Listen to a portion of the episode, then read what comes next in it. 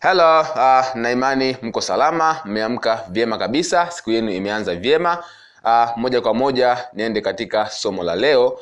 Somo la leo ni muhimu sana kwako wewe muuzaji wa bidhaa ama huduma. Kama unauza bidhaa ama huduma, basi somo hili ni muhimu sana kwa siku ya leo, kwa sababu tutazungumzia kipengele cha kufanya bargaining ya bidhaa ama huduma yako kwa mteja wako.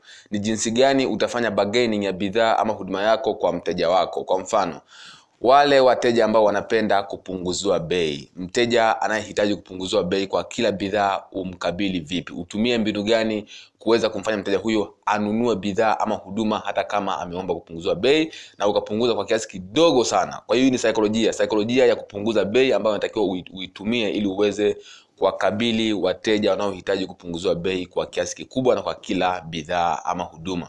Kwa hiyo ukitumia mbinu hii, basi itakusaidia wewe kupunguza bei kiasi kidogo au kutokupunguza kabisa. Okay, kwa hiyo watu wengi sana sehemu hii huwa inawasumbua kwa sababu wanapeleka wana, wana, wana kupunguza bei hadi kiasi ambacho wanakosa faida kabisa ya bidhaa ama huduma, kisa tu mteja anaomba kupunguzwa bei na wao hapo tayari kumpoteza, basi watapunguza bei kiasi kwamba hata faida katika bidhaa na huduma haionekani kabisa. Okay, uh, iko hivi kama unapunguza bei ya bidhaa ama huduma yako, sheria namba moja ya kupunguza bei ya bidhaa huduma au saikolojia ya kwanza tunasema uh, usipunguze bei kwa kiwango kinachoenda na, na namba nzima nzima. Kwa mfano, kama bidhaa yako ni shilingi elfu kumi usiseme shilingi elfu tisa shilingi elfu nane shilingi elfu uh, saba shilingi elfu sita no, usiende kwa shilingi elfu moja moja au kwa shilingi mia tano mia tano punguza kwa namba ambayo labda kusema labda kama bei yako ni shilingi elfu kumi sema tu shilingi elfu tisa mia nane. Umepunguza shilingi mia mbili tu. Elfu tisa mia tisa elfu tisa mia saba. Yaani punguza namba ndogo ambayo mteja ataona kabisa kwamba huyu kapunguza bei kwa kiasi cha mwisho kabisa ndio maana amepunguza kwa bei hiyo.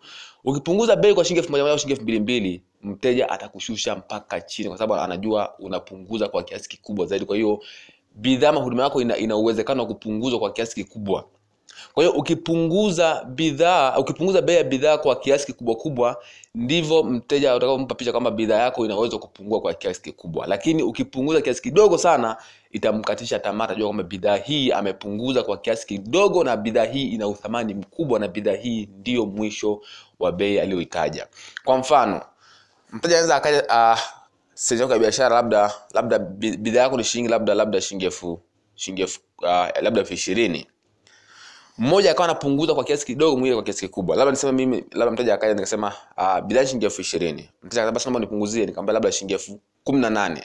You see nimepunguza shilingi elfu mbili nzima. Lakini mwingine akasema bidhaa yangu ni shilingi elfu kumi na tisa na mia saba. Mwana utofauti? Huyu kapunguza mia tatu tu. Kwa hiyo hiyo inampa picha kwanza mteja kwamba bidhaa hii haipungui bei kwa sababu ina uthamani mkubwa. Kwa hiyo unapopunguza kwa, kwa, kwa kiwango kikubwa kikubwa ndivyo unavyompa mteja loophole la, ku, la, la, la kuomba kupunguziwa bei zaidi. Atahisi kwamba bidhaa yako ina thamani ndogo inashuka zaidi zaidi ya hapo. Ila watu wanaopunguza bei kwa kiasi kidogo sana wana uwezekano wa kuuza bidhaa mahuduma kwa kiasi kikubwa kwa sababu inatoa picha kwamba bidhaa mahuduma yako ina uthamani mkubwa. Lakini ukipunguza kwa kiasi kikubwa nikisema labda shilingi elfu ishirini unasema shilingi elfu kumi na saba basi toa elfu kumi na tano toa elfu kumi na nane you see una, inapungua kwa kiasi kikubwa kikubwa inapungua kwa shilingi elfu mbili elfu mbili elfu tatu elfu nne you see. Lakini mwenzako akapunguza akapunguza shilingi mia mbili au mia tatu tu. Kwa hiyo inatoa picha kwamba bidhaa yako imefika mwisho kupungua bei bidhaa. Ah, be, be, imefika mwisho kupungua bei yake. Kwa ndio maana inampelekea mteja kununua. Ukisema labda uh, shilingi elfu kumi sawa bei ya bidhaa akasema nipunguzie ukasema shilingi elfu tisa na mia saba au tisa na mia nane imepungua si mia mbili tu. Kwa hiyo inatoa inampa picha kwamba bidhaa hii haipungui bei kwamba huo ndio mwisho wa bei yake na ina uthamani mkubwa. Na vile vile inaonyesha kwamba umepunguza bei kwa kiasi cha mwisho kabisa ndio maana umesema hivyo kwamba haipungui zaidi ya hapo na hataweza kusumbua tena.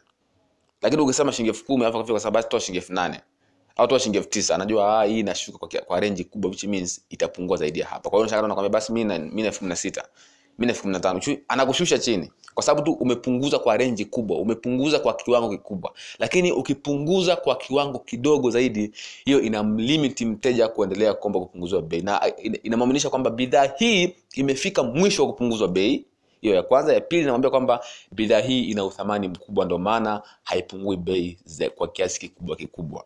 Kwa hiyo hii ni saikolojia ya, ya bargaining. Take this hii ni muhimu sana sana sana sana. Na ukitumia utauza bidhaa zako sana kwa sababu hautapunguza bei kwa kiasi kikubwa. Na huu ndio mwarobaini au ndio dawa ya wateja ambao wanaomba kupunguzwa bei kwa kila bidhaa. Kwa hiyo wapunguzie kwa renji ndogo sana. Kwa hiyo hii inamkatisha tamaa kwamba kupunguziwa. Kwa hiyo ataisha tu kununua bidhaa ama huduma. Na inampa picha kwamba bidhaa yako ina uthamani na vile vile ukipunguza hivyo ina- ina- inamwambia kwamba bidhaa yako ime, imeshafika mwisho kupungua bei be, bei yake. Kwa hiyo the bottom line hapa ni kwamba kama unauza bidhaa ama huduma usipunguze bei kwa kiasi kikubwa kikubwa. Yaani usipunguze bei kwa namba nzima nzima. Kwa mfano ukapunguza kwa shilingi elfu moja moja au shilingi elfu mbili mbili hiyo ni ishara kwamba bidhaa yako inaweza kushuka bei zaidi ya hapo na inampa motisha mteja kuomba kupunguziwa bei ya mabidhaa lakini ukipunguza bei kwa kiasi kidogo kidogo yani kwa renji ndogo ndogo labda labda bidhaa yangu mimi nitaipunguza kwa shilingi mia mbili mia mbili tu au mia tatu tu. Shilingi elfu kumi basi shilingi elfu tisa na mia, na mia nane. Elfu tisa na mia saba you see? Kwa hiyo hiyo inamkatisha tamaa anaona kwamba bidhaa hii imefika kiwango cha mwisho cha kupunguzwa bei. Imefika kikomo cha mwisho cha kupunguzwa bei. Kwa hiyo katika saikolojia ya kuuza basi nitakuja kuongelea zaidi vizuri kwenye kozi. Kozi inatoka mwezi wa kumi sasa hivi ndio tunaiandaa kozi ya mauzo. Yaani ukimaliza kozi hiyo nzima hakuna bidhaa utashindwa kuuza. Kwa hiyo ina kila kitu. Kwa hiyo vipengele hiki nimekiongelea zaidi kwenye saikolojia ya kuuza. Kwa nini binadamu ananunua? Nimeiongelea vizuri kwenye sura ya pili ambayo inasema saikolojia ya mauzo.